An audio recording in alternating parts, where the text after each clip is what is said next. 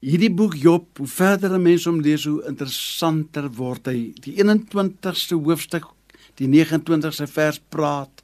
En hy sê het jy nie navraag gedoen by die reisigers langs die pad nie? Want hulle bewyse kan jy nie verloon en wegmaak nie. Ons teks staan uit naamlik navraag, reisigers en bewyse. 'n Intelligente student vra, intelligente vrae.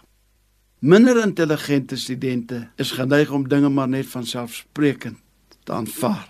Dit is nie verkeerd om te vra as 'n mens nie weet ek het een keer verdwaal. Daar was nog nie GPS nie.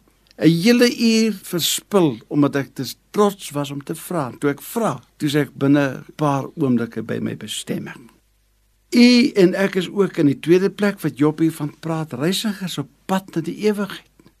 Die hoe, die waar, die wanneer, die tyd en die plek van waar ons reis gaan eindig aan hierdie kant van die Tranendal is nie bekend.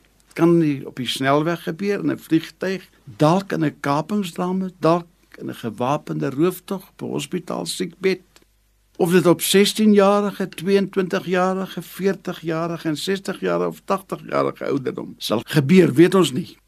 Ons weet wel dat die lewe en die dood slegs 'n faktor X is in die wetenskap. Wat ons wel weet, ons aardse tentwoning gaan opgebreek word. Ons gaan nie vir altyd hier wees nie. In die derde plek praat Job ook in hierdie teks van bewyse. Die wetenskap is gegrond op bewyse. Bewyse is die grondstene van hipoteses en teorieë.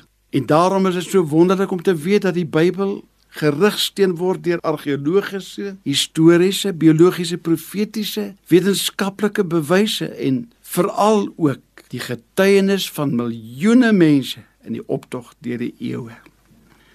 Daarom sê Job, doen tog navraag by die reisigers dat hulle jou vertel. Hulle bewyse kan jy nie wegredeneer nie.